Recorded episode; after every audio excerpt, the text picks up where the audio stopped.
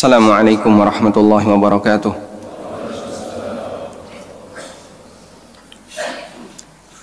الحمد لله رب العالمين الذي هدانا لهذا وما كنا لنهتدي لولا أن هدانا الله. لقد جاء رسل ربنا بالحق ونودوا أن تلكم الجنة أورثتموها بما كنتم تعملون. وأشهد أن لا إله إلا الله وحده لا شريك له. وأشهد أن محمدا عبده ورسوله صلوات ربي وسلام عليه وعلى آله وأصحابه ومن سار على نهجه واستنى بسنته إلى يوم الدين Alhamdulillah Yang pertama kita memuji Allah subhanahu wa ta'ala Karena dia zat Yang mengendalikan hati para hambanya Dan Allah memberikan petunjuk kepada siapa saja yang dia kehendaki dan Allah jauhkan dari petunjuk siapa saja yang dia kehendaki. Dan kita bersyukur kepada Allah subhanahu wa ta'ala Ketika Allah jadikan kita sebagai muslim ahlu sunnah Yang mencintai sesama muslim ahlu sunnah menghargai majelis ilmu dan pengajian dan kita berusaha untuk melestarikannya. Kita berharap kepada Allah semoga rutinitas semacam ini mempelajari Al-Quran dan Sunnah sesuai dengan pemahaman yang diajarkan Nabi Sallallahu Alaihi Wasallam kepada para sahabat akan terus kita lakukan sampai ajal menjemput kita.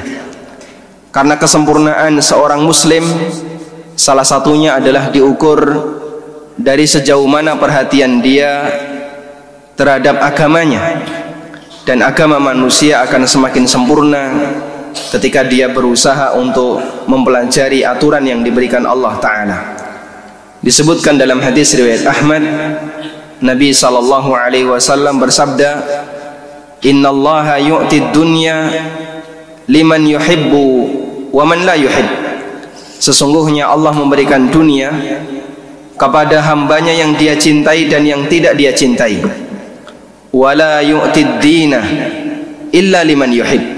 Namun Allah tidak akan memberikan kesempurnaan agama kecuali kepada hambanya yang dia cintai sehingga perlombaan kita adalah bagaimana kita menyempurnakan agama kita bukan menyempurnakan dunia kita karena untuk bisa mengejar cintanya Allah subhanahu wa ta'ala salah satu di antara indikatornya berdasarkan hadis ini adalah dengan melihat sejauh mana perhatian kita terhadap agama yang kita miliki.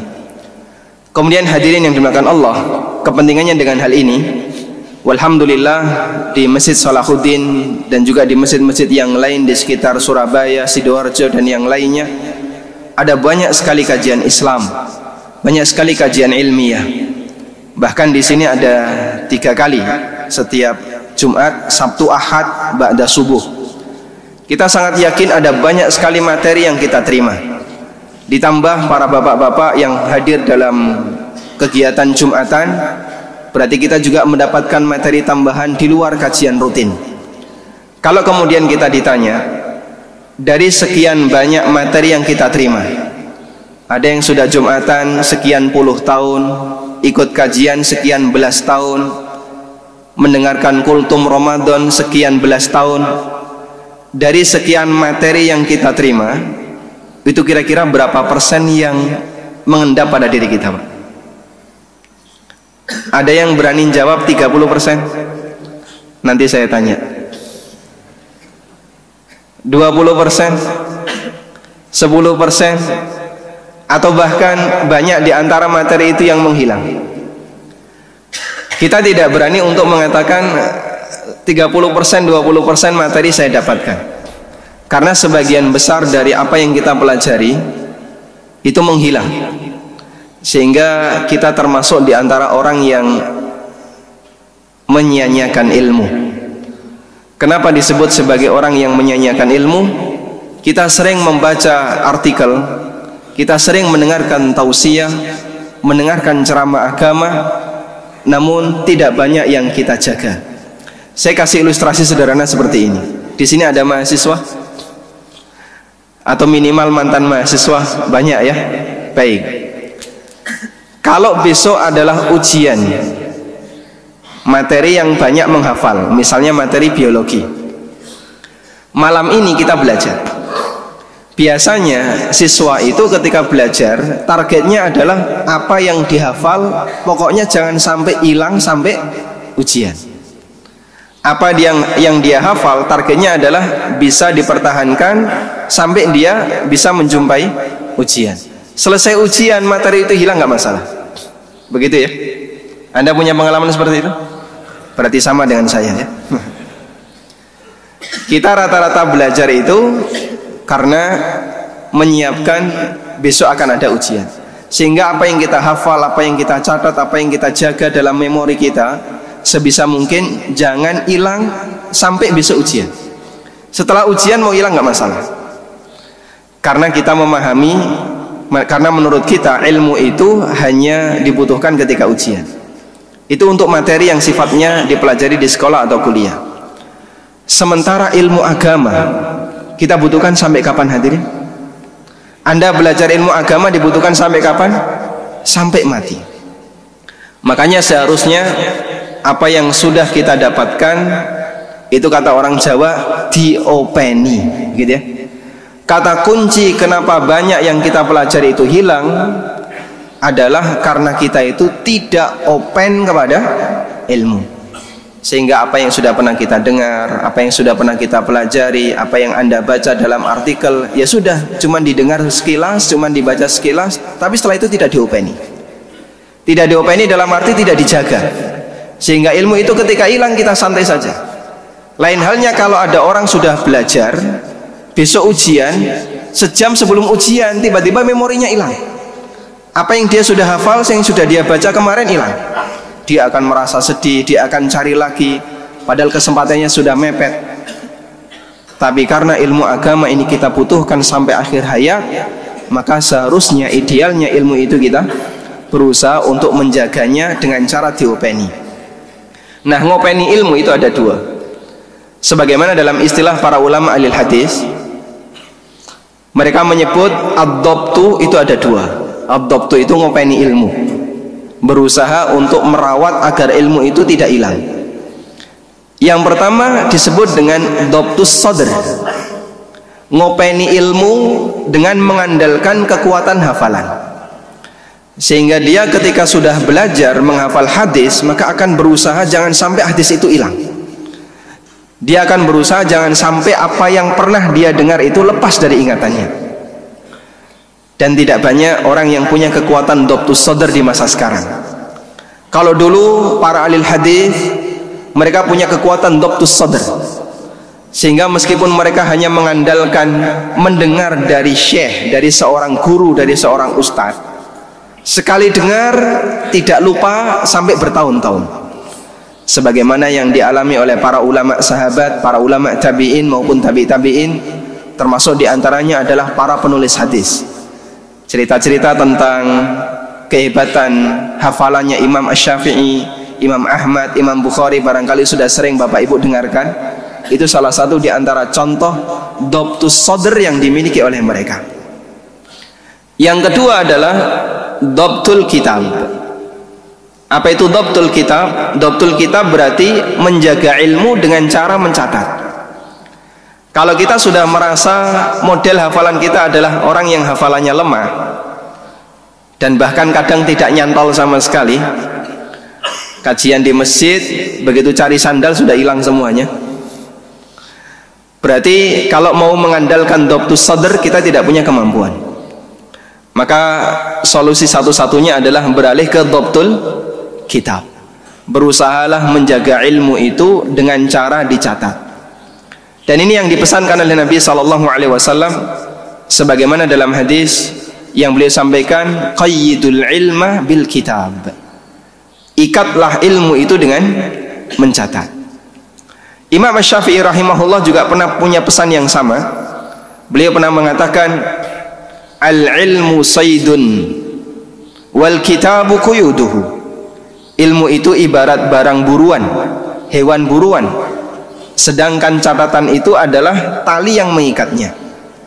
Anda kalau berhasil berburu mendapat berhasil mendapatkan kijang yang benar gimana pak?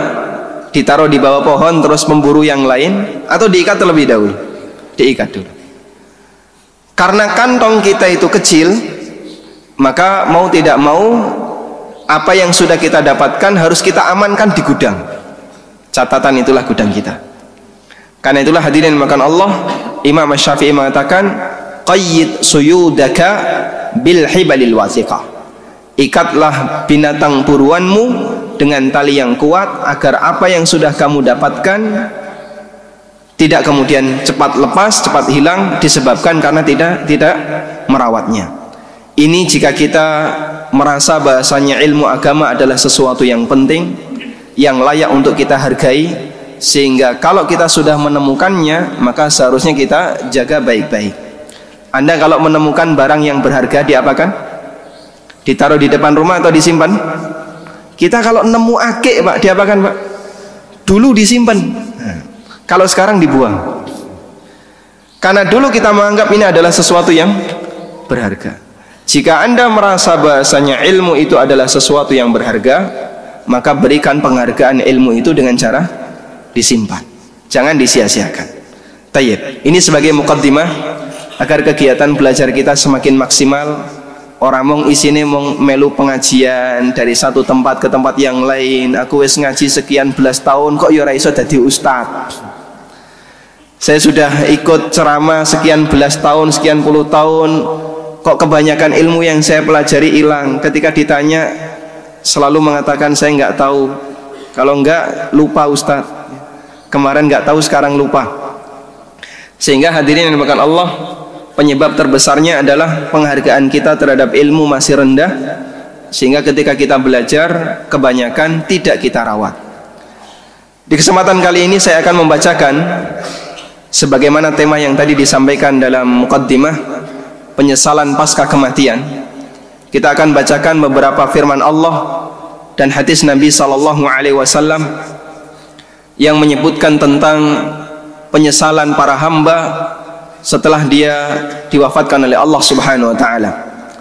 Allah taala berfirman di surat Al-Fajr. Bapak Ibu sudah hafal semuanya. Yaqulu ya laitani qaddamtu li hayati yaqulu ya laitani qaddamtu li mereka mengatakan andaikan saya memberikan persiapan yang lebih maksimal li hayati untuk kehidupanku ini kehidupanku ini maksudnya adalah kehidupan yang kedua karena kehidupan yang hakiki adalah kehidupan ketika seorang hamba menghadap Allah Subhanahu wa taala Yaqulu ya laitani qaddamtu li. Semua manusia menyesal. Sehingga dia ketika dibangkitkan oleh Allah Subhanahu wa taala menyadari bahasanya ada kehidupan yang kedua pasca kematian, barulah mereka mengatakan, "Kenapa dulu saya tidak menyiapkan yang lebih maksimal untuk kehidupanku yang kedua?" Kehidupanku ketika saya menghadap Allah Subhanahu wa taala yang di situ isinya hanya balasan dan tidak ada amal sehingga manusia hanya ada dua kemungkinan pertama menjadi manusia yang bahagia atau yang kedua menjadi orang yang celaka namun penyesalan itu tidak ada gunanya. Karena manusia yang sudah mati mustahil bisa balik lagi ke alam dunia. Sehingga hadirin yang dimakan Allah subhanahu wa ta'ala penyesalan yang tidak ada artinya seperti ini. Baru dialami oleh manusia setelah dia sangat yakin bahwasanya dia telah ketemu Allah Subhanahu wa taala. Karena tingkat keyakinan manusia itu diukur dari sejauh mana dia mengimani dalil yang disampaikan oleh Al-Quran dan Sunnah. Ketika dalam kehidupan dunia tidak ada satupun di antara kita yang pernah melihat alam azab, azab kubur atau alam kubur. Tidak ada satupun di antara kita yang pernah melihat surga dan neraka. Semuanya dirahasiakan oleh Allah. Tapi dari mana kita tahu kalau besok akan ada alam kubur? Dari mana kita tahu kalau besok akan ada surga dan neraka? Jawabannya dari dalil. Sehingga posisi kita saat ini saya yakin ada surga dan neraka itu sifatnya baru ilmul yakin. Sifatnya baru ilmul yakin. Dan taraf ilmul yakin ini manusia bertingkat. Ada orang yang punya taraf ilmul yakin sangat tinggi sehingga seolah-olah surga dan neraka itu berada di hadapannya sebagaimana itu yang dialami oleh para sahabat Makanya para sahabat mengatakan kepada Nabi sallallahu alaihi wasallam, "Ya Rasulullah, kami kalau mendengarkan ceramah Anda, berada di depan Anda, mendengarkan tausiah Anda, seolah-olah kita itu melihat surga berada di kanan, neraka berada di kiri." Sehingga mereka menjadi orang yang sangat takut kepada Allah Subhanahu wa taala. Itu karena tingkatan ilmu yakinnya sangat tinggi. Bukan karena mereka melihat kejadiannya. Surga dan neraka tetap dirahasiakan oleh Allah tapi karena ilmu yakinnya sangat tinggi sehingga ketika mereka mendengarkan tausiah Nabi Shallallahu Alaihi Wasallam seolah-olah surga dan neraka itu ada di hadapannya. Begitu mereka pulang ke rumah main dengan anaknya interaksi dengan istrinya berdagang di pasar beraktivitas bisnis dan seterusnya ilmu yakinnya mulai turun sedikit. Akhirnya mereka merasa jangan-jangan kami ini munafik kami ketika berada di hadapan Nabi Sallallahu Alaihi Wasallam seolah-olah kami menjadi orang yang sangat bertakwa, tapi begitu beraktivitas dunia, tiba-tiba nilai ketakwaan itu mulai turun. Surga dan neraka tidak bisa kami lihat lagi, karena nilai ilmu yakinnya mulai turun. Teriaklah sahabat Hamdalah. Hamdalah mengatakan nafaqah Hamdalah nafaqah Hamdalah. Hamdalah munafik, Hamdalah munafik. Lalu ditanya oleh Nabi SAW, kenapa kamu teriak seperti ini? Menyebut dirinya sendiri munafik. Dia mengatakan, "Ya Rasulullah, saya kalau berada di hadapan Anda seolah-olah surga dan neraka ada di depan saya. Tapi kalau saya sudah pulang ke rumah, main sama anak-anak, berinteraksi dengan istri, berdagang, beraktivitas dunia, semua itu hilang." Apa kata Nabi sallallahu alaihi wasallam? Andaikan kamu punya perasaan yang seperti itu terus, seolah-olah surga dan neraka berada di hadapanmu, la safahatkumul malaikah tentu para malaikat akan nyalami kalian. Karena kalian sudah bukan lagi manusia bumi tapi manusia akhirat. Sehingga hadirin yang dimakan Allah tingkatan manusia untuk semakin bertakwa kepada Allah ketika dia memahami akan adanya kehidupan yang kedua itu berbanding lurus dengan ilmu yakin yang dia miliki.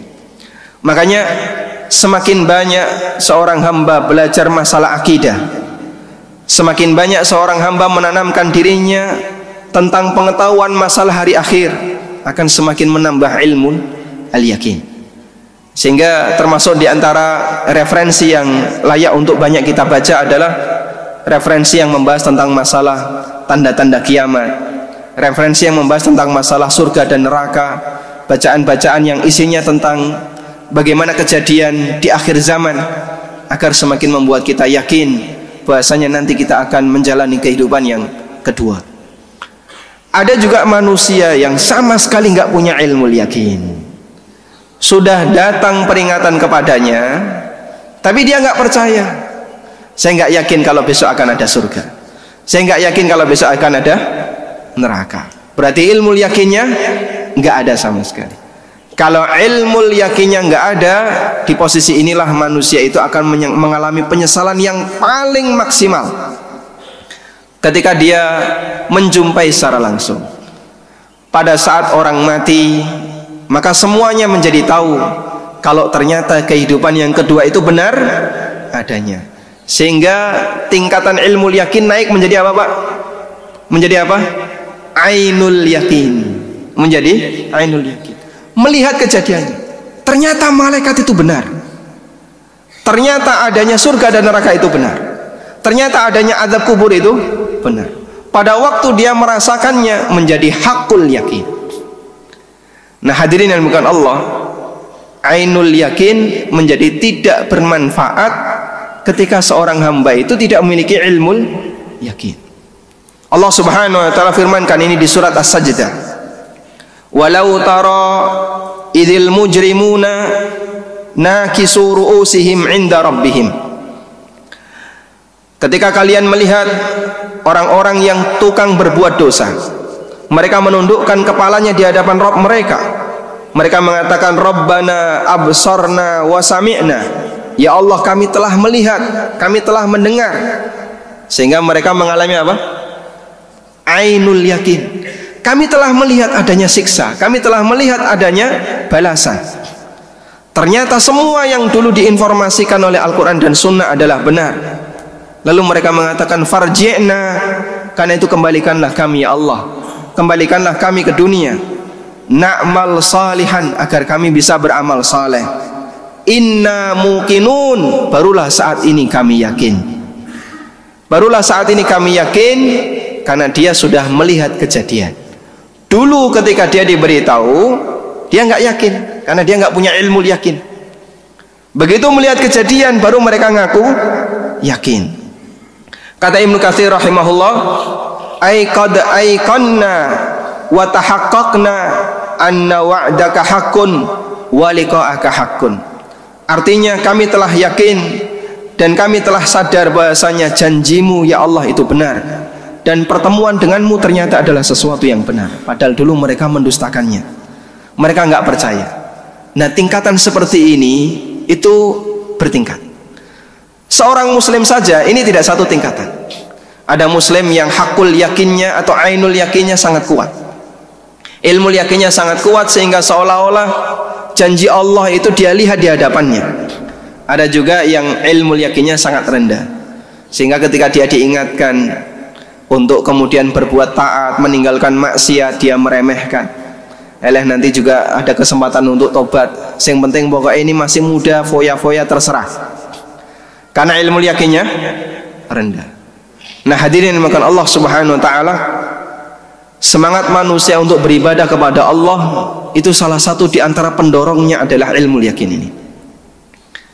Sehingga penyesalan di hari kiamat ketika hakul yakin sudah dia jumpai tidak ada artinya karena dia tidak punya ilmu yakin atau ilmu yakinnya sangat rendah.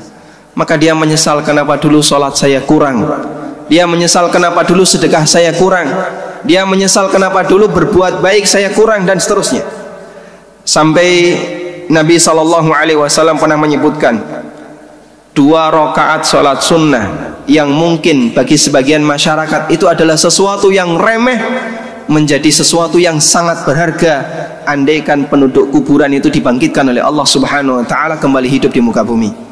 Disebutkan dalam hadis dari Abu Hurairah radhiyallahu anhu Rasulullah sallallahu alaihi wasallam bersabda ketika beliau di atas sebuah kuburan yang baru ada baru ada orang yang baru saja dimakamkan kemudian beliau ngasih tausiah di situ beliau mengatakan raq'atani khafifatani mimma tahkirun dua rakaat yang ringan yang ringan itu mungkin cuma membaca inna a'taina atau membaca surat al-ikhlas Al-Fatihah plus Inna Ataina. Dua rakaat yang ringan yang tidak sampai lima menit. Watan fulun dan yang kalian lakukan sebagai amal soleh, sebagai amal sunnah. Yaziduhuma hadha fi amalihi ahabbu ilaihi min baqiyati dunyakum. Yang itu bisa menambah amal seorang hamba ketika di alam kubur lebih dicintai oleh orang ini dibandingkan dunia seisinya. Tapi dia nggak bisa melakukan apa pun. Karena orang yang sudah mati terputus kesempatannya untuk beramal. Sehingga jangankan beramal yang nilainya besar. Cukup hanya bisa mengerjakan dua rakaat yang menurut sebagian orang mungkin lebih baik tidur daripada mengerjakan sholat ini. Itu lebih berharga dibandingkan dunia seisinya. Padahal kita kalau kemudian dikasih pilihan di sebelah luar masjid ada uang satu miliar tapi nggak boleh sholat di dalam masjid boleh sholat dua rakaat kita milih yang mana? Kita akan lebih cenderung untuk milih dunia. Kita meremehkan dua rakaat yang kita anggap sebagai sesuatu yang ringan. Hadirin yang dimakan Allah subhanahu wa ta'ala. Imam Qatadah Ibnu Ti'amah rahimahullah ketika beliau membaca ayat semacam ini. Penyesalan orang-orang di hari kiamat yang mereka minta kepada Allah Rabbana farji'na na'mal salihah. Ya Allah kembalikanlah kami ke dunia agar bisa melakukan amal saleh beliau mengatakan demi Allah yang mereka harapkan itu dikembalikan ke dunia bukan dalam rangka untuk ketemu keluarganya bukan dalam rangka untuk ngurusi hartanya bukan dalam rangka untuk mendatangi hadiah dunia. Namun mereka dikembalikan ke dunia berharap dikembalikan ke dunia hanya dalam rangka untuk bisa menjalankan ibadah kepada Allah. Cukup hanya mengatakan syahadatain itu lebih berharga dibandingkan dunia seisinya. Sehingga mumpung masih ada kesempatan yang Allah berikan kepada kita untuk melakukan amal, maka jangan sia-siakan hal ini. Perbanyak ilmu yakin dengan cara menanamkan akidah yang kuat terkait masalah akhirat. Selanjutnya hadirin yang dimakan Allah Subhanahu wa taala kita akan sebutkan dua macam penyesalan bagi mereka yang sudah mati atau ketika ajal menjemputnya.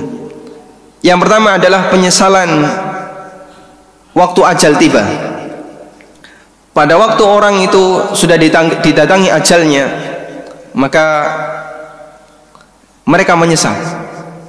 Sehingga mereka minta kepada Allah, tolong ditunda ya Allah. Kematiannya ditunda. Lima menit saja baru setelah itu saya mati. Tapi yang namanya ajal tidak bisa dipercepat dan tidak bisa ditunda. Al ajalu hisnun mahsun. Ajal itu sesuatu yang terlindungi. Sehingga tidak bisa diganggu tidak bisa dipercepat dan juga tidak bisa diperlambat para sahabat ketika mereka berperang di hadapannya ancaman senjata Meskipun bisa jadi mereka hanya mendapat hanya memiliki senjata yang yang ringan cuman sebuah pedang.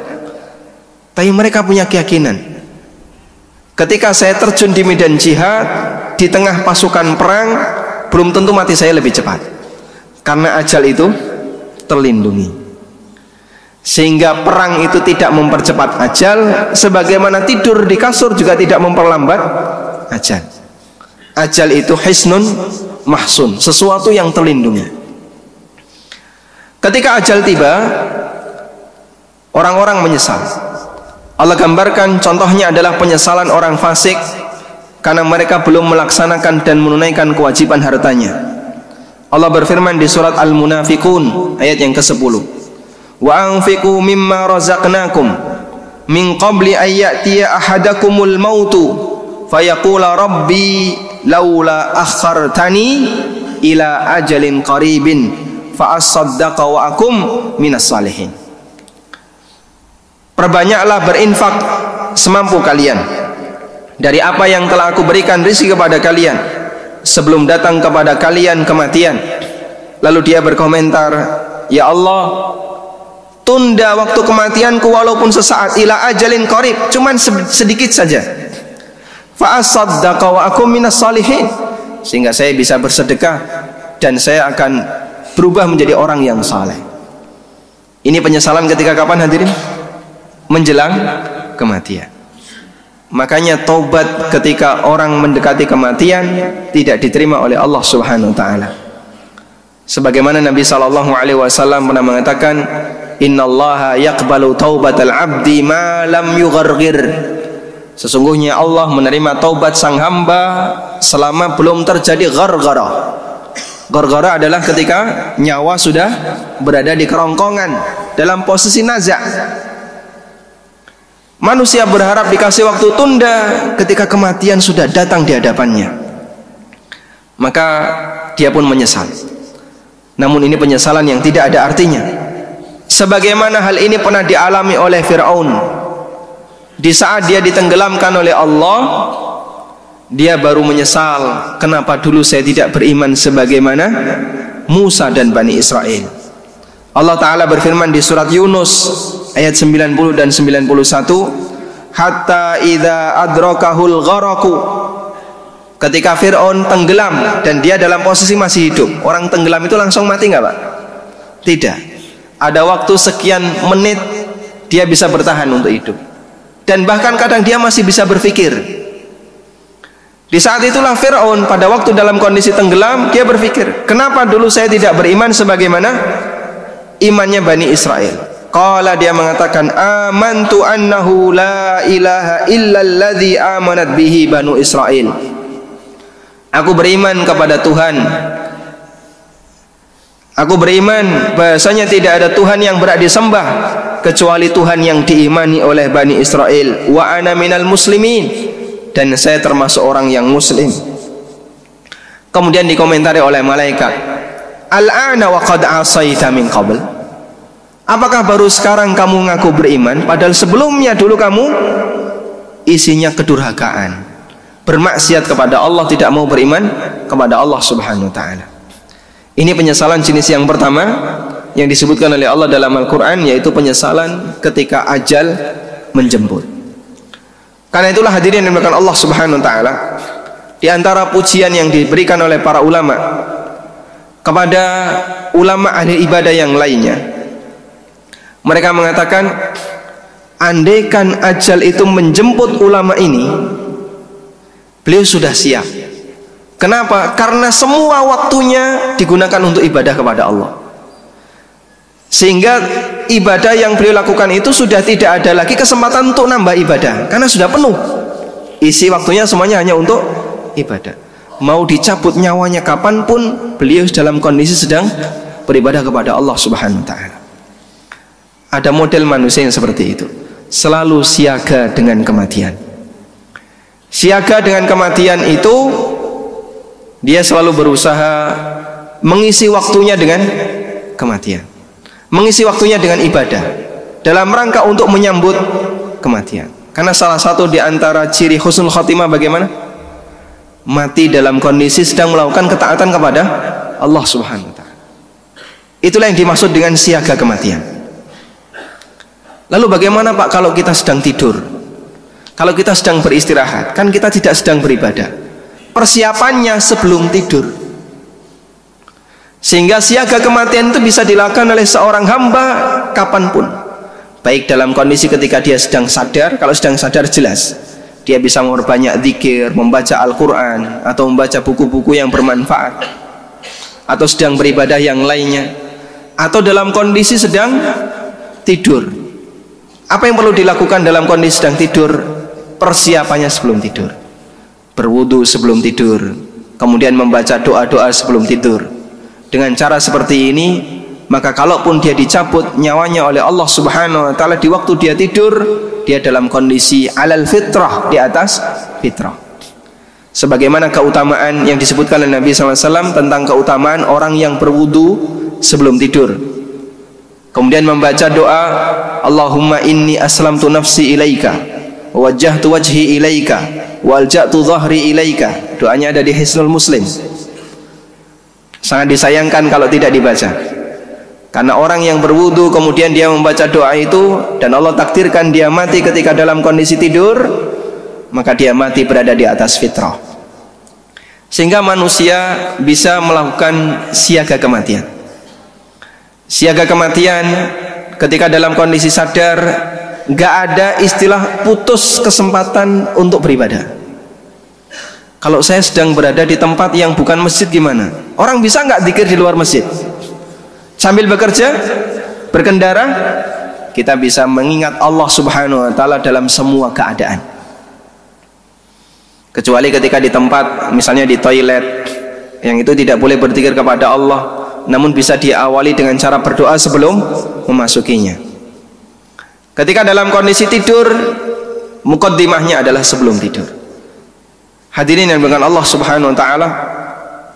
Seperti ini butuh untuk kita latih. Menghadirkan perasaan kematian itu bisa saja datang di waktu kapan pun yang tidak kita duga. Cuman kadang perasaan itu hilang sehingga kita putus hubungan kita dengan Allah Ta'ala tidak siaga kematian tapi kalau kita sering latihan selalu siaga kematian maka kita akan berusaha untuk menjaga diri. Jangan sampai berbuat maksiat. Jangan sampai kemudian di tengah kita sedang durhaka kepada Allah nyawa kita dicabut oleh Allah subhanahu wa ta'ala. Kemudian yang kedua adalah penyesalan ketika mereka melihat azab di akhirat. Allah Ta'ala berfirman wa taradh zalimina lamma ra'awul azab yaquluna hal ila maraddim min sabil Lihatlah ketika orang-orang zalim pada waktu mereka melihat azab mereka mengatakan apakah ada jalan untuk bisa kembali ke dunia sehingga mereka menyesal pada waktu mereka melihat neraka dan hadirin yang dimuliakan Allah neraka melihat calon penghuninya sebagaimana calon penghuninya melihat neraka. Mereka saling melihat. Anda bisa bayangkan seperti ini ya. Ada orang yang Anda takuti, dia membawa senjata yang lengkap. Kemudian Anda berada di kerumunan orang banyak, tiba-tiba orang itu melihat ke arah Anda sambil mengacungkan senjatanya. Kamu akan menjadi incaran saya. Sementara kita orang yang lemah. Kira-kira yang terjadi apa? Kita ketakutan. Melihat dia kita ketakutan. Akhirnya kita nggak berani melihat dia. Wah, aku diincim karo orang itu. Neraka melihat calon penghuninya. Wa idza ra'athum mim makanin ba'idin sami'u laha taghayyudan wa zafira. Ketika neraka itu melihat calon penghuninya dari tempat yang sangat jauh. Sehingga neraka melihat calon penghuninya. Si A akan saya akan saya makan dia, si B akan saya makan dia dilihat oleh neraka dari tempat yang sangat jauh dan orangnya juga melihat neraka sehingga neraka neraka mengancam dia orang ini melihat neraka. Ketika neraka itu melihat calon penghuninya taghayyudan wa mereka mendengar gemuruhnya itu semakin kuat. Mereka mendengar teriakan neraka suaranya neraka itu semakin semakin kuat. Sehingga ketakutan itu sudah terjadi ketakutan yang luar biasa itu sudah terjadi ketika calon penghuninya masih berada di padang mahsyar dikumpulkan oleh Allah sebelum mereka menjalani hisab. Mereka sudah diincim oleh neraka sudah diincar oleh neraka dan mereka melihat neraka melihat dirinya. Melihat orang yang mengancam dia atau melihat ada sesuatu yang berbahaya yang mengancam dia kemudian semakin apa mendengar teriakannya itu akan semakin membuat takut sang hamba. Di saat itulah mereka berharap gimana saya bisa kembali ke dunia. Kemudian mereka juga mengajukan beberapa permintaan kepada Allah. Di antaranya adalah permintaan agar mereka bisa kembali ke dunia untuk bisa melakukan amal saleh. Allah berfirman di surat Fatir, "Wahum yastarikhuna fiha." Rabbana akhrijna na'mal salihan ghairal ladzi kunna na'mal. Mereka berteriak di dalam neraka dan mereka mengatakan ya Allah keluarkanlah kami dari neraka agar kami bisa melakukan amal soleh yang belum sempat kami lakukan. Namun alam barzah menghalangi mereka sehingga mereka tidak bisa kembali ke dunia. Allah berfirman di surat Al-Mu'minun hatta idza jaa ahadahumul mautu qala rabbirji'un ketika datang kematian kepada mereka mereka mengatakan ya Allah kembalikanlah aku. La'alli a'malu salihan fima taraktu. Agar aku bisa melakukan amal soleh yang dulu aku tinggalkan. Kalla innaha kalimatun huwa qailuha wa min waraihim barzakhun ila yaumi yub'atsun. Enggak mungkin itu bisa terjadi. Itu hanya permintaan mereka. Karena di belakang mereka ada barzah sampai kiamat. Makanya disebut barzah yang artinya apa? Secara bahasa artinya pembatas. Ya. barzah artinya pembatas. Allah subhanahu wa ta'ala sebutkan di surat ar-Rahman uh, wa bainahuma barzakhun la yabghiyan. Di antara laut A dan laut B ada barzah, ada pembatas sehingga air laut A dan laut B tidak bercampur. Maka tidak ada istilah orang kalau sudah mati akan balik di hari yang ke-40 ya. Balik pulang, ngapain balik pulang? Pamitan. Tidak ada istilah kalau sudah 100 hari kematian nanti akan balik lagi rohnya ke rumah. Karena orang yang sudah mati mereka sibuk dengan dua hal. Kalau tidak mendapatkan nikmat, dapat azab keyakinan sebagian masyarakat bahwa orang yang sudah mati kalau dia dalam kondisi su'ul khatimah balik lagi ke rumahnya kemudian gentayangan selama sekian hari rohnya tidak bisa tenang ini adalah keyakinan yang batil. Allah subhanahu wa ta'ala telah menjelaskannya di surat Al-Mu'minun ayat 99 dan ayat 100 wa min waraihim barzakhun ila yaumi sehingga nggak ada istilah nanti jadi jerangkong. Tahu jerangkong pak ya? Nah enggak nek ini orang tenang terus apa pocongnya keliaran ke mana-mana balik ke rumah dan seterusnya. Ini semuanya keyakinan yang batin. Pak buktinya ada yang ganggu Pak. Nah, itu jin. Kalau memang betul itu ada dan ada orang yang mendengarkan suaranya padahal tidak ada kejadian fisiknya kita tidak menolaknya. Tapi itu adalah jin yang ganggu manusia agar mereka punya akidah yang menyimpang. Itu lihat bapakmu pulang toh dia kedinginan itu karena kuburannya nggak diselimuti. Lah terus pripun? Nah, kuburannya minta dikasih selimut. Akhirnya dibuatkan cungkup atau dikasih kijing. Padahal itu berasal dari godaan setan karena nggak mungkin yang namanya orang yang sudah mati ruhnya balik andai kan balik pasti mereka akan melakukan amal soleh bukan malah nakut-nakuti keluarganya ini kan nambah dosa. Oh, nakut-nakuti orang itu dosa atau tidak, Pak? Dosa. Sehingga istrinya nggak berani bangun malam, ketika subuh belum berani ke kamar mandi karena takut nanti ketemu suaminya. Malah menghalangi keluarganya untuk ibadah kepada Allah, nambah dosa. Dan itu mustahil hadirin. Dan jamaah yang dimakan Allah Subhanahu wa taala karena itulah ketika jenazah diantarkan menuju pemakaman mereka berteriak namun tidak bisa didengar oleh manusia dan jin dalam hadis dari Abu Sa'id Al-Khudri yang diriwayatkan oleh Bukhari Nabi sallallahu alaihi wasallam pernah bersabda idza wadu idza wudi'atil janazatu fahtamalaha ar-rijal ala anakihim ketika jenazah sudah ditaruh di bandoso. Kemudian diangkat oleh beberapa orang di pundak-pundak mereka. Fa salihatan qalat. Kalau jenazah ini adalah jenazah orang yang soleh maka dia meneriakkan qaddimuni qaddimuni ayo cepat ayo cepat ayo cepat. Wa in kanat ghaira salihatin. Dan jika dia bukan jenazah yang saleh qalat dia mengatakan ya wailaha aina yadhhabuna biha. Woi kalian ini mau ke mana? Saya mau dibawa ke mana ini? yasma'u sautaha kullu syai'in illal insan. Walau sami'aha lasu'iqa. Semua bisa mendengar suaranya kecuali manusia. Andaikan manusia bisa mendengar tentu mereka pingsan. Dan nanti jenazahnya dikeleleran yang jalan Nabi Shallallahu Alaihi Wasallam pernah menawarkan ini kepada para sahabat. Laula annakum yatanawabuna fil janazah Andaikan bukan karena alasan kalian itu harus ngantar jenazah.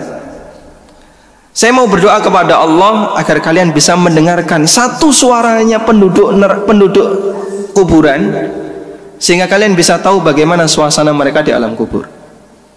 Namun Nabi Shallallahu Alaihi Wasallam tidak melakukan seperti ini. Karena kalau mereka mendengar nggak jadi datang ke kuburan. Sehingga syariat merawat jenazah menjadi gagal dilakukan. Nggak ada yang berani pak. Itu padahal sekelas sahabat. Orang yang secara umum mentalnya lebih kuat dibandingkan kita. Kita saja berjalan di kegelapan itu ketakutan sahabat jangankan kegelapan. Ketemu jin dipanggil jinnya kemudian minta tolong julurkan tanganmu. Dijulurkan terus dipegang. Seperti Abu Hurairah radhiyallahu anhu. Termasuk juga Ubay bin Ka'ab. Sehingga mereka ketemu jin itu malah jinnya ditantang sini, datang ke sini, dipegang. Kita jalan di kegelapan belum tentu dikasih penampakan jin sudah ketakutan. Wedi karepe dhewe. Wis omahe dhewe, wedi karepe dhewe. Itu yang terjadi pada diri kita. Karena mental kita sangat rendah. Mental orang-orang yang penakut, takut dengan kegelapan. Para sahabat Nabi Shallallahu Alaihi Wasallam pernah sampaikan kepada mereka, andaikan bukan karena masalah kalian harus mengantarkan jenazah, saya mau berdoa kepada Allah agar kalian bisa mendengar suara azab kubur. Namun itu tidak jadi dilakukan. Khawatir nanti mereka ketakutan sehingga tidak bisa mengantar jenazah ke pemakaman. Tidak ada syariat ziarah kubur karena semuanya ketakutan. Kemudian yang kedua, mereka berharap bisa mendapatkan syafaat Sehingga harapan mereka yang kedua kepada Allah adalah ada penolong yang bisa menyelamatkan mereka ketika di akhirat. Allah taala berfirman di surat Al-A'raf, "Yauma ya'ti ta'wilu" pada hari datang kebenaran pemberitaan yang ada dalam Al-Qur'an. Yaqulul ladzina nasuhu min qabl. Maka orang-orang yang melupakan akhirat mereka mengatakan qad ja'at rusulu rabbina bil haqq telah datang utusan-utusan dari Rabb kami dengan membawa kebenaran. Betul mereka itu adalah orang yang benar. Janji mereka benar. Fahallana min syufa'a yashfa'u lana apakah ada yang bisa memberikan syafaat kepada kami yang akan menolong kami ketika kami menghadap Allah? Au nuraddu fa na'mal ghairal kunna na'mal. Atau kami dikembalikan ke dunia lalu kami melakukan amal meskipun hanya mengucapkan dua kalimat syahadat. Mereka mencari penolong hadirin. Mereka mencari siapa yang bisa menyelamatkannya ketika di akhirat. Tapi tidak ada syafaat kecuali syafaat yang diizinkan oleh Allah Subhanahu wa taala man dzalladzi yashfa'u indahu illa bi'idznihi tidak ada yang bisa memberikan syafaat di hadapan Allah kecuali dengan izinnya. Makanya Allah tegaskan dalam Al-Quran, Walillahi syafa'atu jami'a. Semua syafaat itu hanya milik Allah. Sehingga kalau mau berharap pertolongan, berharaplah kepada Allah. Dialah zat yang memberikan pertolongan kepada para hambanya. Meskipun terkadang pertolongan itu Allah kasih izin kepada yang lain. Silahkan Nabi A, kamu tolong umatmu. Nabi B, kamu tolong umatmu. Mukmin A, mukmin B, silahkan kamu tolong kawanmu. Malaikat juga demikian. Anak-anak yang meninggal sebelum balik bisa menolong orang tuanya. Demikian pula amal soleh yang kita lakukan maka kita diajarkan jangan bergantung kepada yang lain. Tapi bergantunglah kepada Allah subhanahu wa ta'ala. Mohon maaf barangkali kalimat seperti ini bisa kita ganti. Syafaat yang terbesar itu syafaatnya siapa? Syafaat terbesar syafaatnya siapa? Syafaat? Syafaat Allah subhanahu wa ta'ala. Karena syafaat Allah Allah selamatkan para hambanya sesuai yang dia kehendaki. Sedangkan syafaat Rasulullah sallallahu alaihi wasallam hanya terbatas untuk umatnya. Dan itu itu pun yang beliau inginkan untuk beliau selamatkan. Tapi kalau syafaat Allah Allah Ar-Rahman dat yang maha kasih sayang dat yang maha pengasih dia sangat mencintai hambanya sangat sayang kepada hambanya. Maka syafaat Allah adalah syafaat yang terbesar. Sebagaimana disebutkan dalam hadis riwayat Bukhari. Wal malaikatu yashfa'un. Wal anbiya'u yashfa'un. Walam yabqa illa syafa'atur rahman. Semua malaikat sudah ngasih syafaat. Semua para nabi sudah ngasih syafaat. Tinggal yang tersisa adalah syafaat Allah taala syafaatur rahman. Kemudian Allah subhanahu wa ta'ala mengambil sekian banyak dari penduduk neraka fayudkhiluhumul jannata wala yubali. Lalu Allah masukkan mereka semua ke dalam surga dan Allah nggak peduli berapapun amalnya. Dan syaratnya harus mu mukmin. Makanya kalau ada pernyataan kita berikan salawat kepada Nabi sallallahu alaihi wasallam yang kita nanti-nantikan syafaatnya. Ini kalimat yang benar. Namun sebagai bentuk pendidikan kita arahkan kepada masyarakat untuk lebih banyak berharap kepada syafaat Allah taala. Segala puji bagi Zat yang sangat kasih sayang kepada hambanya. Ar-Rahmanur Rahim. Zat yang kita harapkan syafaatnya kelak di hari kiamat. Sehingga kita menanamkan ketergantungan hamba lebih banyak kepada siapa? Allah Ta'ala bukan kepada sesama manusia. Meskipun kita yakin para nabi memberikan syafaat termasuk nabi kita Muhammad sallallahu alaihi wasallam. Namun dalam penanaman prinsip bergantung kita lebih banyak menekankan agar hamba lebih banyak bergantung kepada syafaat Allah Subhanahu wa taala. Kita memohon kepada Allah Subhanahu wa taala, Allahumma yassir lana amal salih. Allahumma inna nas'alukal huda wat tuqa wal afafa wal hina Allahumma inna nas'aluka hubbaka wa hubba man yuhibbuka wal amal alladhi yuballighu hubbak. Wa sallallahu ala nabiyyina Muhammadin wa ala alihi wa sahbihi wa sallam. Wa akhiru da'wana anil hamdulillahi rabbil alamin.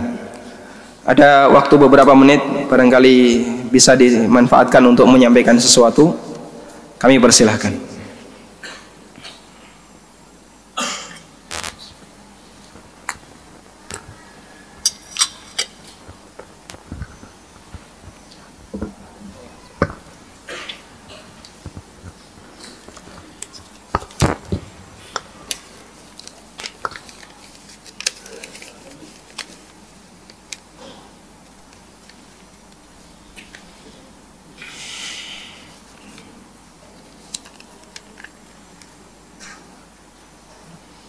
Tiga pertanyaan masuk semuanya tentang riba. Ada yang selain riba? Tentang kuburan. Cari pertanyaan tentang kuburan.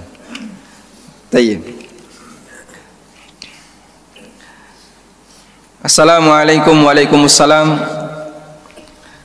Mohon info tentang yayasan atau lembaga yang bergerak di pinjaman tanpa riba Saya mau pinjam mau pinjam dana untuk membebaskan kami, saya dan istri dari jeratan utang riba. Kalau di Jogja, Alhamdulillah sudah ada dan hanya melayani untuk sekup Jogja. Wallahu alam kalau di Surabaya.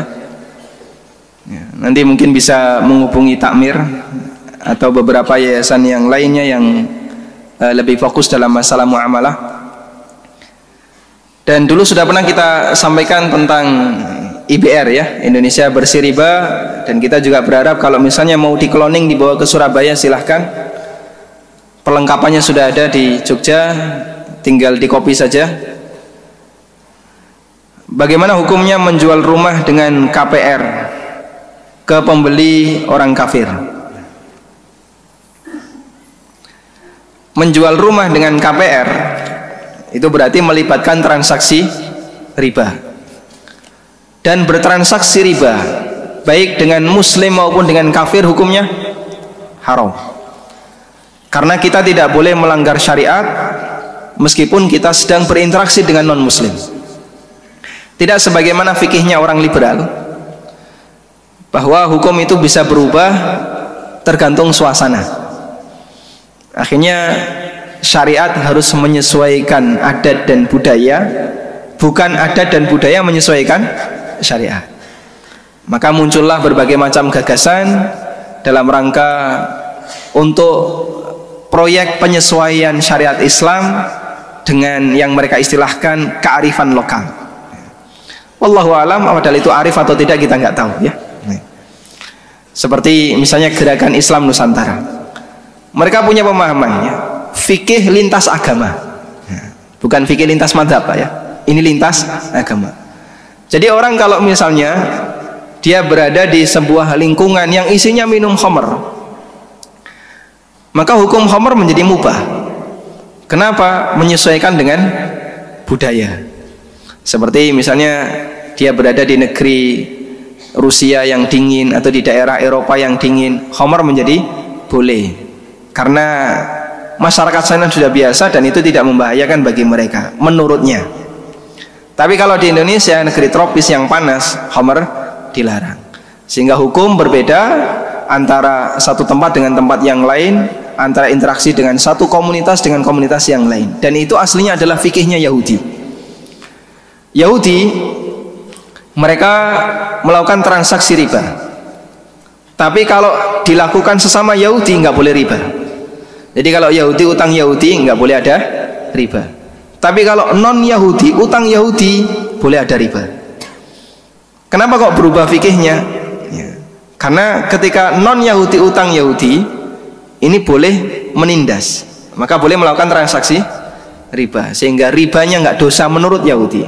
Nah itu ditiru oleh Islam Nusantara. Nah, dengan tadi ya menyesuaikan aturan syariat kepada adat dan budaya. Karena itu hukumnya tidak boleh meskipun yang membeli adalah non muslim terus solusinya bagaimana? Kalau nggak boleh kan biasanya tanya solusinya biar jadi boleh ya. Solusinya yang bisa anda lakukan adalah intinya anda tidak terlibat dalam transaksi yang dilakukan antara non muslim ini dengan lembaga ribawi. Kok bisa pak? Ya coba insya Allah bisa. Caranya gimana? Anda batasi pokoknya saya terima uang tunai dari konsumen. Konsumen mau cari duit dari mana terserah dia. Sehingga orang kafir ini ketika mau nyari duit dengan cara utang bank dengan cara utang kawannya atau utang yang lain terserah. Yang penting pokoknya anda terima duit dari konsumen anda. Dan anda tidak boleh datang ke lembaga ribawi bahkan sampai pun hanya tanda tangan daftar hadir karena ini berarti termasuk ta'awun tolong menolong dalam transaksi riba tolong menolong dalam dosa dan maksiat. Wallahu alam.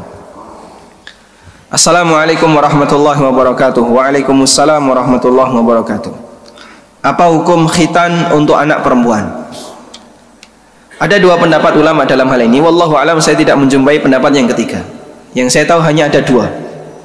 Pertama hukumnya wajib Yang kedua takrimah. Hukumnya anjuran. Sehingga statusnya takrimatan lil mar'ah dalam rangka untuk memuliakan pihak wanita. Ini pendapat jumhur ulama termasuk pendapat syafi'iyah, hanafiyah.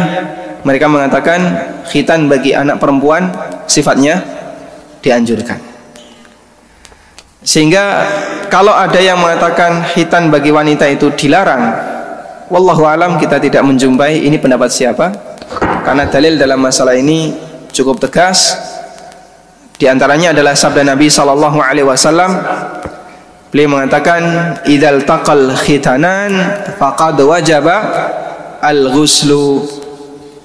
Kalau ada dua benda yang dikhitan saling bertemu maka wajib mandi meskipun tidak sampai keluar mani. Disebut dua khitan berarti wanita juga di di khitan. Sehingga ini dalil bahwa khitan bagi wanita juga berlaku. Wallahu a'lam. Saja Pak. Tafadhol. Silakan. Assalamualaikum warahmatullahi wabarakatuh. Uh, terkait dengan jasad manusia setelah mati saya pernah melihat info di WhatsApp, WhatsApp atau informasi di sebuah berita ya. Ada jasad seorang muslim setelah dikubur berapa lama itu masih utuh. Informasinya beliau adalah ulama atau uh, alim ulama ya. Bagaimana menurut Ustadz tentang situasi tersebut uh, jasad bisa utuh di dalam kubur gitu? Nah. Terima kasih. Assalamualaikum warahmatullahi wabarakatuh. Waalaikumsalam warahmatullahi wabarakatuh. Inna Allah ala kulli syai'in qadir. Sesungguhnya Allah Maha Kuasa atas segala sesuatu. Pertama yang perlu kita memahami adalah bedakan antara kuburan dan alam kubur. Yang kita indra itu kuburan. Yang Anda lihat, yang Anda pegang itu kuburan. Sementara alam kubur manusia tidak bisa mengindranya. Sehingga bisa nggak orang melakukan eksperimen? Saya mau mendengarkan suara adab kubur. Akhirnya ketika dia makamkan jenazah non muslim, jenazah kafir misalnya, dia cari tetangganya yang kafir mati, terus minta izin kepada keluarganya. Pak saya mau melakukan eksperimen, dipasang mikrofon. Di mulutnya. Terus disambung kabel. Ditunggu. Setelah dimakamkan ditunggu. Satu jam dua jam kok nggak ada suara? Kenapa nggak ada suara? Apa yang kamu lakukan itu penelitian kepada kuburan. Manusia tidak akan mungkin bisa melihat alam kubur. Dia tidak bisa mengindra alam kubur. Semuanya dirahasiakan oleh Allah. Jangankan kamu sahabat saja tidak bisa melakukannya. Makanya apa yang kita lihat itu bentuknya adalah atau sifatnya bentuk fisik kuburan bukan alam kubur. Kemudian yang kedua, secara teori orang yang dimakamkan itu akan mengalami kerusakan. Karena jasad manusia sebagaimana umumnya binatang, umumnya yang lain, lambat laun dia akan mengalami pelapukan, kemudian rusak. Namun Allah Maha Kuasa untuk menjaga sehingga dia tidak mengalami kerusakan. Lu kok bisa, Pak? Kenapa kita bingung kalau kembali kepada kekuasaan Allah? Sebagaimana Nabi Shallallahu alaihi wasallam beliau pernah mengatakan sampaikanlah salam kepadaku. Sampaikanlah salam kepadaku. Karena Allah Subhanahu wa taala innalillahi malaikatun sayyahina fil ard. Allah memiliki beberapa malaikat yang keliaran di muka bumi, berkeliling di muka bumi. Yuballighuni an ummatis salam dan beliau menyampaikan salam dari umatku. Sehingga ketika Bapak Ibu mengucapkan Assalamu alayka ya Rasulullah Malaikat ini mengantar, mengantarkannya kepada Nabi Sallallahu Alaihi Wasallam. Ya Rasulullah Si A, si Fulan, si B menyampaikan salam kepada anda. Lalu para sahabat bertanya Ya Rasulullah Bagaimana kami menyampaikan salam kepada anda? Waqada arimta. Padahal anda sudah menjadi tanah. Apa kata Nabi sallallahu alaihi wasallam? Innallaha qad harrama 'alal ardi jasadal anbiya. Sesungguhnya Allah haramkan bumi untuk makan jenazahnya para nabi, untuk makan jasadnya para nabi. Sehingga jasad para nabi itu selalu utuh, tidak pernah mengalami perubahan. Nah, sebagian hamba Allah yang dikehendaki oleh Allah juga mengalami yang sama sesuai dengan penjagaan yang diberikan oleh Allah Subhanahu wa taala. Dan Allah Maha Kuasa untuk melakukan seperti itu. Kadang sederhana saja, ada orang yang sudah tua secara usia dia sebenarnya sudah tidak mampu untuk melakukan kegiatan seperti itu. Tapi masya Allah umur wes sangang pulau songo masih kuat poligami, nah, misalnya ya, misalnya. Umumnya, Pak, masih kuat nggak, Pak? Eh? Kuat ya umumnya. Ya daerah sedati biasanya masih kuat ya. Baik. Ini sudah berusia 90 sekian usia 100 tapi masih bisa naik gunung misalnya. Masih bisa sepedaan jauh. Kok masih kuat? Padahal yang itu usianya baru 60 70 ya. Duduk lama saja nggak kuat. Kalau kajian golek senderan. Karena nggak kuat duduk lama ya. Makanya kajian nyender itu identitas. Indikator usia ya. Baik. Kenapa yang ini usianya sangat tua tapi dia masih kuat, yang itu usianya masih masih jauh di bawahnya tapi dia lemah. Allah kasih penjagaan yang berbeda. Ada yang usianya baru 60 tapi dia sakit-sakitan, dia nggak kuat, jangankan sepeda naik motor saja kadang nggak kuat dan seterusnya sebagaimana pula penjagaan itu juga Allah berikan kepada jasad yang ada di kuburan dan kalau memang apa yang diceritakan itu adalah realita ya kita terima. Karena Islam tidak menolak realita. Wallahu alam.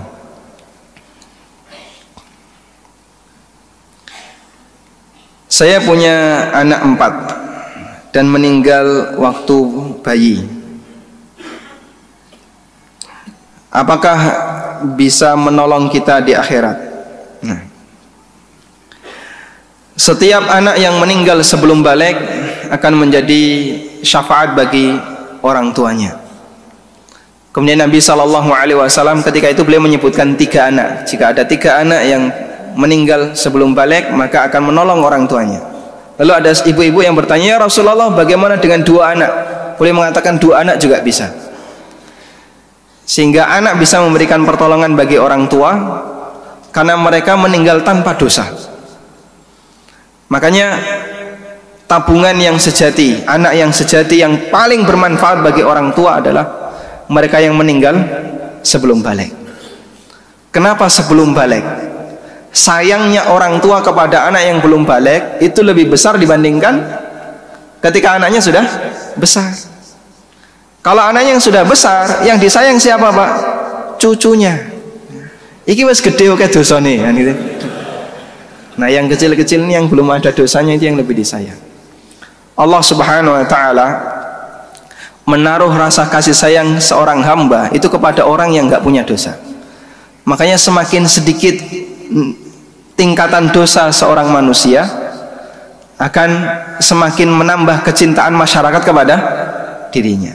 Karena itulah balasan kepada orang yang mencintai Allah, Allah jadikan orang lain cinta kepadanya sebagaimana Jibril pernah mendapatkan perintah dari Allah. Allah berfirman kepada Jibril wahai Jibril inni uhibbu fulan fa'ahibbahu wahai Jibril sesungguhnya aku mencintai si A maka cintailah dia. Lalu Jibril mengumumkan kepada penduduk langit Innallaha yuhibbu fulan fa'ahibbuhu sesungguhnya Allah mencintai si A maka cintailah kalian kepada si A Kemudian penduduk langit memberikan kecintaan kepada si A dan Allah berikan penduduk bumi cinta kepada si A. Sehingga balasan orang yang dicintai oleh Allah akan dicintai oleh yang lain. Caranya bagaimana? Jangan sering durhaka kepada Allah Subhanahu wa taala. Wallahu a'lam. Bagaimana hukumnya obat yang pada kemasannya terdapat keterangan bahwa obat ini ada keterangan pada proses pembuatannya bersinggungan dengan bahan bersumber babi. Apakah boleh dikonsumsi? Karena obat ini digunakan sebagai terapi penyakit dalam rangka waktu yang dalam waktu yang lama. Tidak ada obat yang lain yang sejenis sebagai penggantinya. Yang pertama begini. Tidak ada obat yang haram tidak ada obat yang haram. Kenapa nggak ada obat yang haram? Karena benda haram itu bukan obat, tapi penyakit. Nggak mungkin Allah kasih sakit kepada hamba untuk bisa mendapatkan kesembuhan harus melanggar syariat, harus maksiat dulu. Itu nggak mungkin. Berarti Allah dolim. Begitu ya? Kenapa? Karena sembuh itu hak Allah. Hanya Allah yang bisa melakukannya sedangkan hamba hanya bisa berikhtiar. Maka untuk bisa mendapatkan kesembuhan hamba hanya boleh melakukan ikhtiar yang mubah. Hanya hamba hanya boleh melakukan ikhtiar yang sifatnya mubah. Tapi yang menyembuhkan Allah subhanahu wa ta'ala. Sebagaimana untuk bisa dapat duit orang harus ikhtiar bekerja untuk bisa dapat duit, boleh nggak orang melakukan ikhtiar yang haram? Ya, saya, saya kan mencari rizki. Sehingga untuk bisa mendapatkan rizki dari Allah, ya terserah saya. Yang penting dapat rizki. Ya, kamu dengan cara seperti ini nggak boleh. Dan Allah subhanahu wa ta'ala tidak mengizinkan ketika seorang hamba ingin mendapatkan sesuatu dengan cara yang haram. Dan Allah yang ngatur rizki, bukan kamu. Kamu tinggal nyari saja.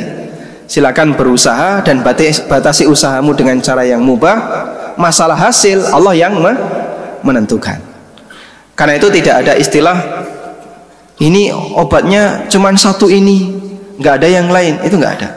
Jika obat itu sesuatu yang haram pasti akan ada obat yang mubah. Sebagaimana sabda Nabi Shallallahu Alaihi Wasallam tadawau beliau mengatakan berobatlah kalian. Karena tidaklah Allah menunjukkan tidaklah Allah menurunkan sebuah penyakit kecuali di waktu yang sama Allah juga menurunkan obatnya. Fa'in asabahu syufia. Kalau obatnya itu bisa ketemu dengan penyakitnya maka dia akan sembuh. Cuman kita tidak tahu dari sekian banyak obat itu mana yang cocok. Dan sekali lagi kesembuhan ada di tangan Allah sedangkan berobat itu sifatnya hanya ikhtiar manusia. Kewajiban kita adalah berusaha untuk ikhtiar mencari yang mubah dan tidak boleh mencari yang haram. Kemudian yang kedua, terkait masalah ketika ada obat yang bersinggungan dengan sesuatu yang haram. Berarti kita masuk ke ranah fikih ya. Kita masuk ke ranah fikih. Jika posisi benda yang haram itu hanya sebatas sebagai katalisator Kemudian nanti ketika jadi obat unsurnya sudah tidak ada berarti obat ini kembali kepada hukum asal yaitu sifatnya mubah. Nah, Anda untuk bisa mendapatkan informasi ini perlu tahu kepada perlu tanya kepada uh, orang yang buat atau orang yang tahu tentang prosesnya. Ini sebagai katalisator terikut nggak? Kalau nggak terikut, berarti dia kembali kepada sesuatu yang mubah. Sebagai contoh begini, ulama berbeda pendapat kalau ada orang yang menelan emas, misalnya menelan cincin emas atau menelan benda berharga yang lainnya. Ketika ditelan, dicerna nggak, pak? Tidak dicerna. Dia keluar bersama kotoran. Setelah dibersihkan kotorannya, itu jadi benda najis atau kembali ke suci? Ada khilaf dalam masalah ini. Ada khilaf dalam masalah ini.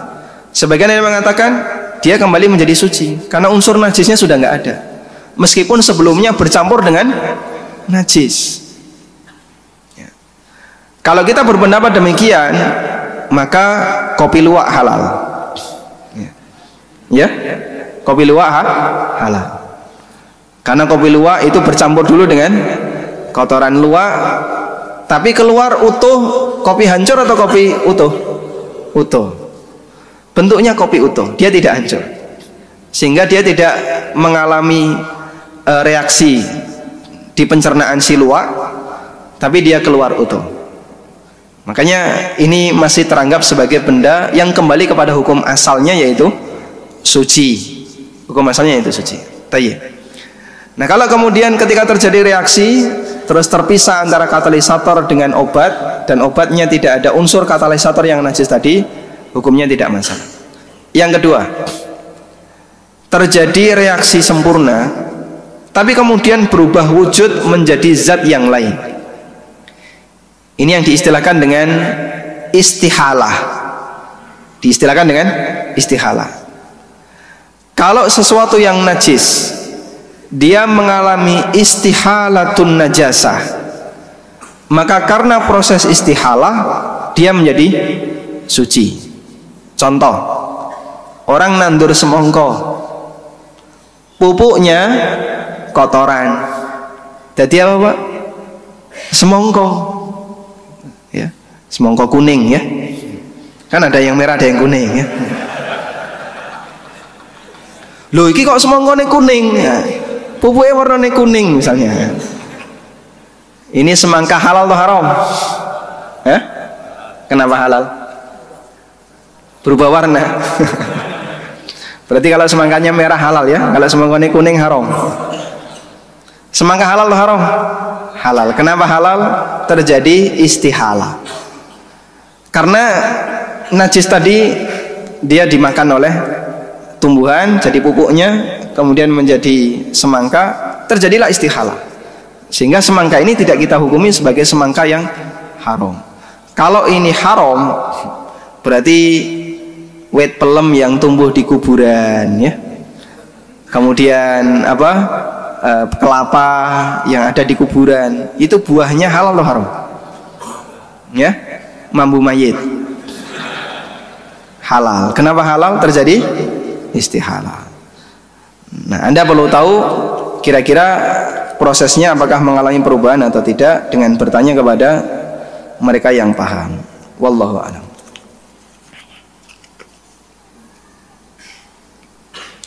Assalamualaikum warahmatullahi wabarakatuh. Waalaikumsalam warahmatullahi wabarakatuh. Bagaimana ketika mengubur jenazah lupa membuka tali pocong? Bahaya Pak, nanti tidak gentayangan jaluk dibuka no tayyib. Jadi hadirin yang dimakan Allah Ta'ala fungsi tali fungsi tali kain kafan tujuannya hanya satu agar kain, kain kafannya itu tidak lepas ketika jenazah itu dibawa ke mana-mana. Ketika dia diangkat dari tempat awal ke bandoso dari bandoso ke ambulan atau ke pemakaman ada banyak uh, sentuhan tangan di badan jenazah. Kalau nggak ditaleni ucul ya. lepas lain terbuka. Padahal dia nggak pakai celana. Orang nggak cawet ya. nah. makanya ditali biar nggak lepas. Karena itu ketika di makam tali itu dilepas tapi kafannya nggak boleh dibuka. Dia tetap ditutup dengan kafan karena ini menutup auratnya. Sebagai bentuk memuliakan seorang muslim sebagai bentuk memuliakan jenazah yang muslim karena itu membuka tali ini sifatnya anjuran dan tidak wajib karena andaikan ada kain kafan yang dia tanpa tali ya. misalnya pakai selerekan Pak. Eh. dulu kan ada itu ya pakai resleting dia nah. yang punyanya siapa tim SAR biasanya ya atau polisi juga kadang punya seperti itu dia penuh dengan darah. Kalau dikasih kain wah ini bisa berbahaya nanti darahnya ngucur ke mana-mana. Akhirnya dikasih sarung seperti itu. Dimasukkan kemudian di resleting. Ditutup. Sudah selesai. Masuk ke makam. Bolehkah seperti itu? Silahkan. Yang penting pokoknya menutupi sekujur badannya. Sehingga sah-sah saja ketika ada orang yang ngasih kafan karena dalam kondisi tertentu keluar nanah, keluar darah atau keluar kotoran yang nggak berhenti dikasih plastik.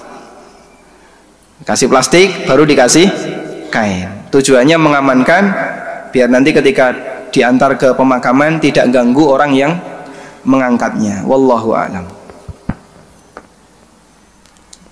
Ada pertanyaan tentang Bitcoin, cryptocurrency dan seterusnya. Silakan Anda baca artikelnya di konsultasisyariah.com ya. Tanya lagi Pak Ustaz. Apa ada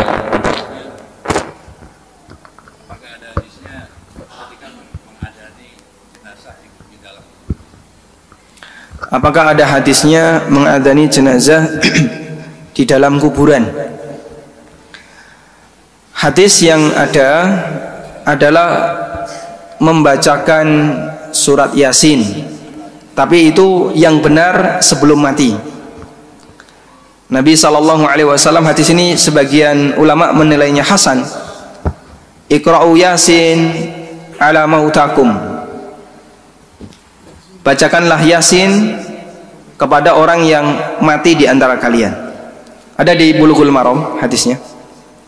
Dan sebagian menilai sebagai hadis yang hasan meskipun ulama yang lain menilainya sebagai hadis yang dhaif. Karena itu apa hukum membaca atau mengumandangkan adzan di kuburan? Wallahu alam. Kalau Bapak Ibu menemukan hadisnya tolong nanti saya di WA ya. Kami tidak menjumpai dalilnya sama sekali tapi mereka yang mengumandangkan adzan ketika di kuburan punya dalil apa dalilnya? dalilnya kias kiasnya begini ketika bayi itu lahir maka dianjurkan untuk diadani dianjurkan untuk diadani berarti ketika orang itu mati dianjurkan juga untuk diadani Kalimat berarti di sini maksudnya apa? Kias, dilakukan analogi. Sebagaimana ketika lahir diadani, berarti ketika mati juga diadani. Dan kias ini kias yang nggak benar. Kenapa? Adan itu ibadah, tidak bisa dikiaskan. Berarti kalau kayak gitu, sebagaimana Jumatan diadani, maka sholat id juga diadani. Jumatan sama sholat id itu lebih besar mana forumnya, Pak? Sholat id. Lebih butuh banyak orang yang kumpul. Sehingga adzan lebih dibutuhkan dibandingkan Jumatan. Apalagi ketika sholat id itu orang perlu tahu posisi. Perlu kemudian tahu kapan dimulai sehingga dianjurkan untuk mengumandangkan adzan ketika sholat id sebagaimana adzan ketika Jumatan kias apa ini? kias yang fasidul i'tibar kias yang menyimpang. Kenapa kok kiasnya menyimpang? Karena Anda menganalogikan dalam masalah ibadah, padahal ibadah itu tidak boleh dianalogikan. Ikuti aturan yang ada. Kalau Nabi Shallallahu Alaihi Wasallam tidak adzan ketika sholat id, maka tidak perlu adzan ketika sholat id. Nah itu jumatan ada adzan. Ya jangan disamakan. Id dengan jumatan kan beda. Yang jumatan dilakukan di masjid, sholat id dilakukan di lapangan misalnya. Maka kalaupun ada adzan untuk bayi yang baru lahir, ini jangan disamakan ketika orang itu meninggal.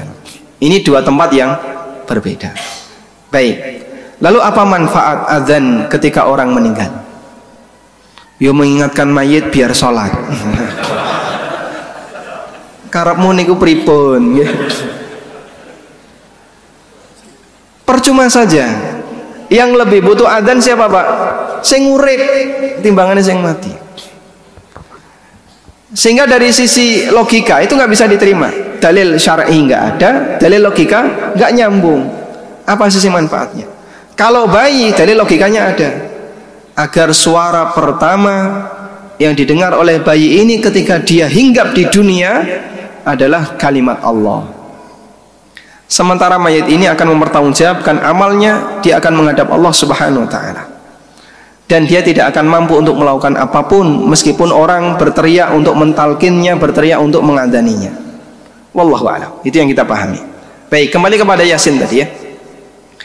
Jadi tentang Yasin ada tiga hal yang menjadi kemungkinan makna dari hadis tadi. Pertama adalah membaca Yasin di kuburan. Yang kedua, membaca Yasin di dekat orang yang dalam kondisi sakit menjelang kematian.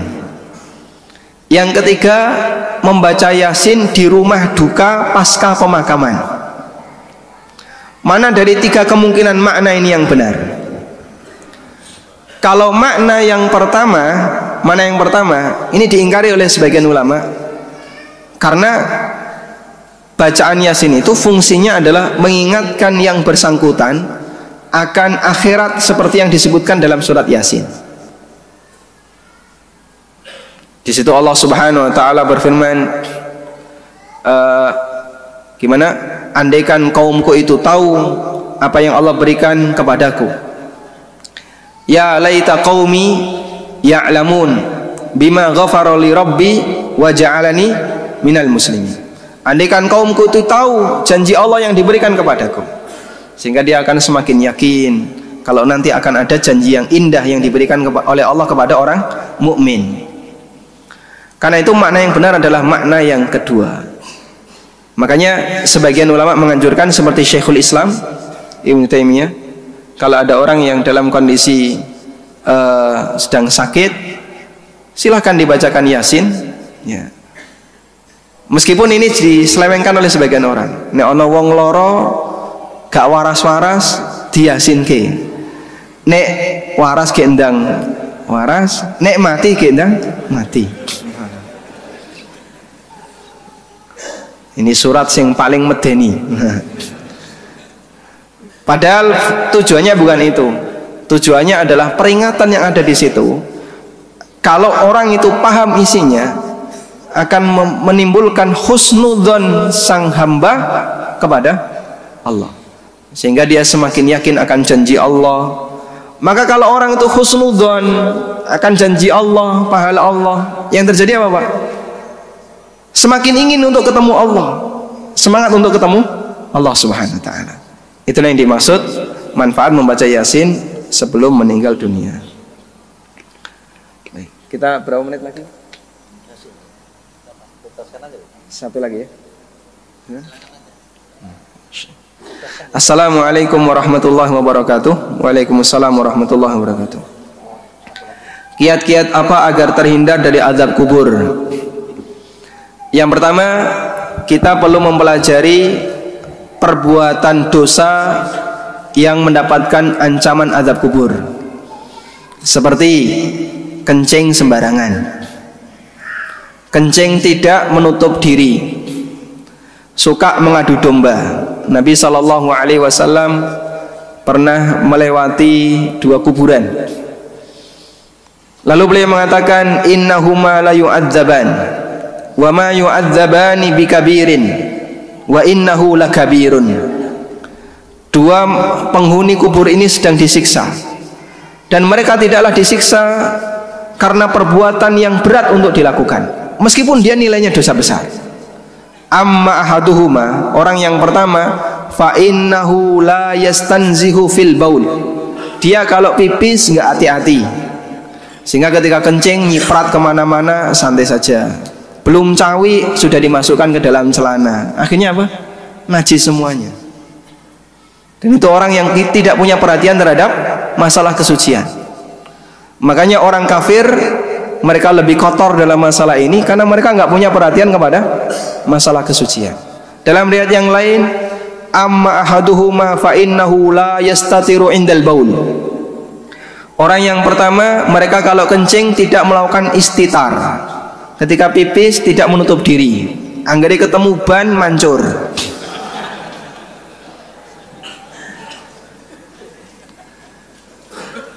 urinoir membuat orang ketika kencing posisinya berdiri. Boleh nggak kencing berdiri? Boleh. Nabi Shallallahu Alaihi Wasallam pernah kencing sambil berdiri.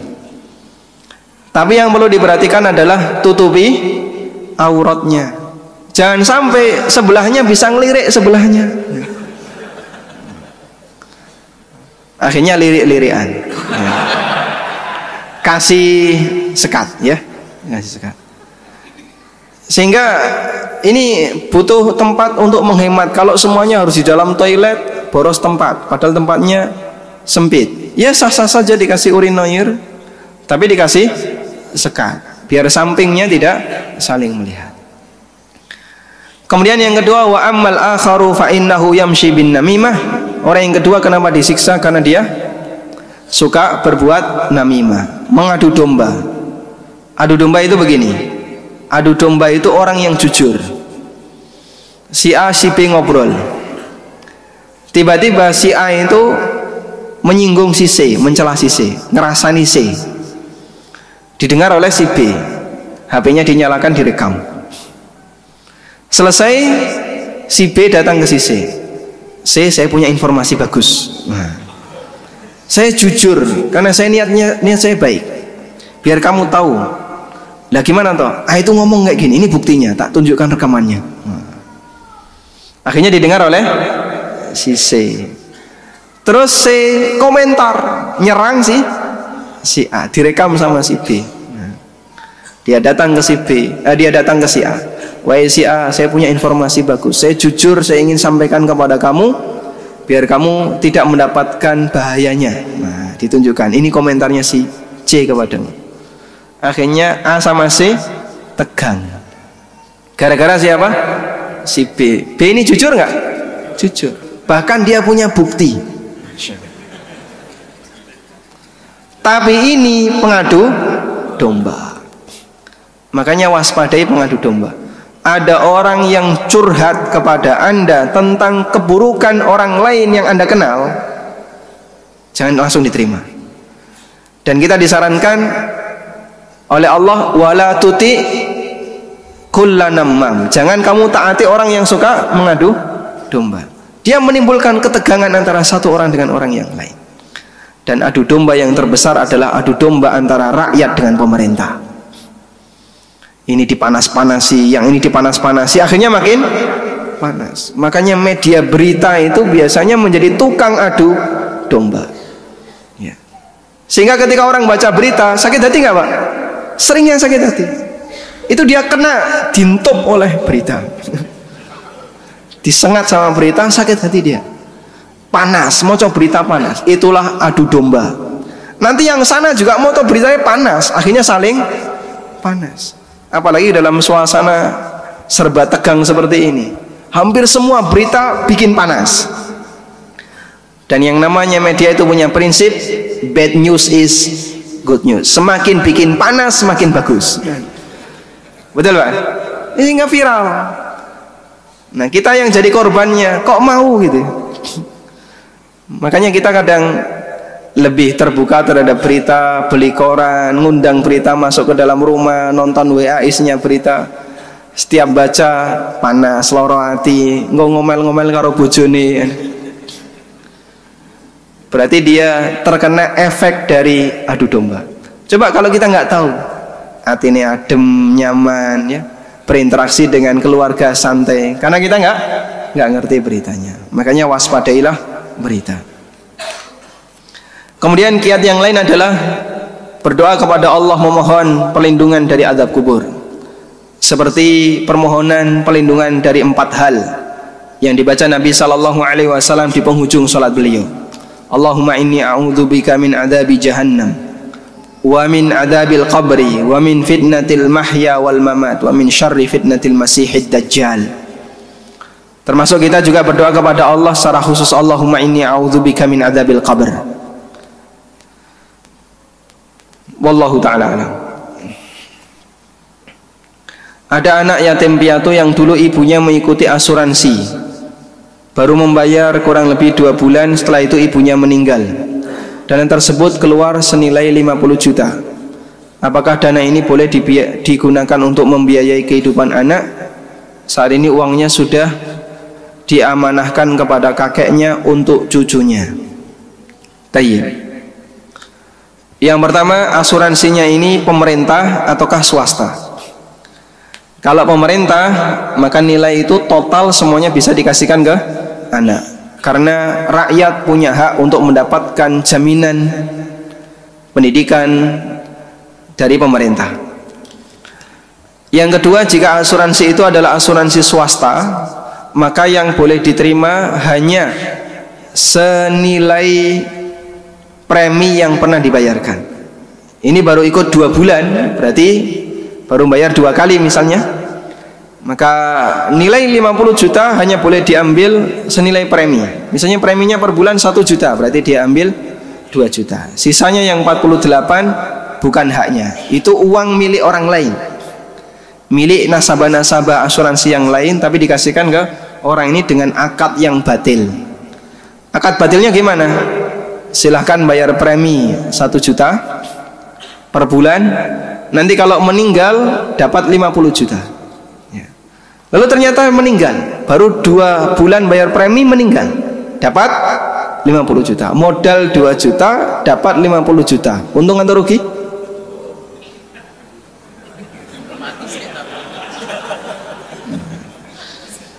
Ini kedonyan ya. Baik. Modalnya bayar 2 juta, dapat 50 juta.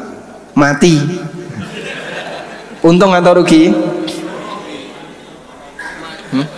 Mati. Eh kalau nggak mati nggak dapat. Untung atau rugi? Rugi. Kenapa rugi pak? Tayyib. Itu kan akad yang batil ya. Ini akad yang batil. Karena hakikatnya judi, makanya para ulama mengatakan asuransi itu perjudian. Dia membayar sesuatu yang sedikit bisa mendapatkan janji yang besar sementara yang menjadi taruhan adalah nyawanya, keselamatannya, kesehatannya. Makanya dilarang oleh para ulama dan kita punya kaidah hasil dari akad yang batil adalah batil. Kullu ma yubna ala batilin fahuwa batilun. Sesuatu yang didapatkan dari sesuatu yang batil maka hasilnya juga batil. Wallahu a'lam. Wallahu alam demikian yang bisa kita sampaikan dan kami mohon ampun kepada Allah Subhanahu wa taala atas setiap kesalahan yang kita lakukan dan terima kasih kepada pihak takmir yang telah memberikan kesempatan bagi kita semua untuk belajar. Semoga Allah Subhanahu wa taala memberkahi apa yang kita pelajari. Wassallallahu ala nabiyyina Muhammadin wa ala alihi wa sahbihi wasallam. Wa akhiru da'wana anil hamdulillahi rabbil alamin. Subhanakallahumma wa bihamdika asyhadu an la ilaha illa anta astaghfiruka wa atubu ilaik. Wassalamualaikum warahmatullahi wabarakatuh.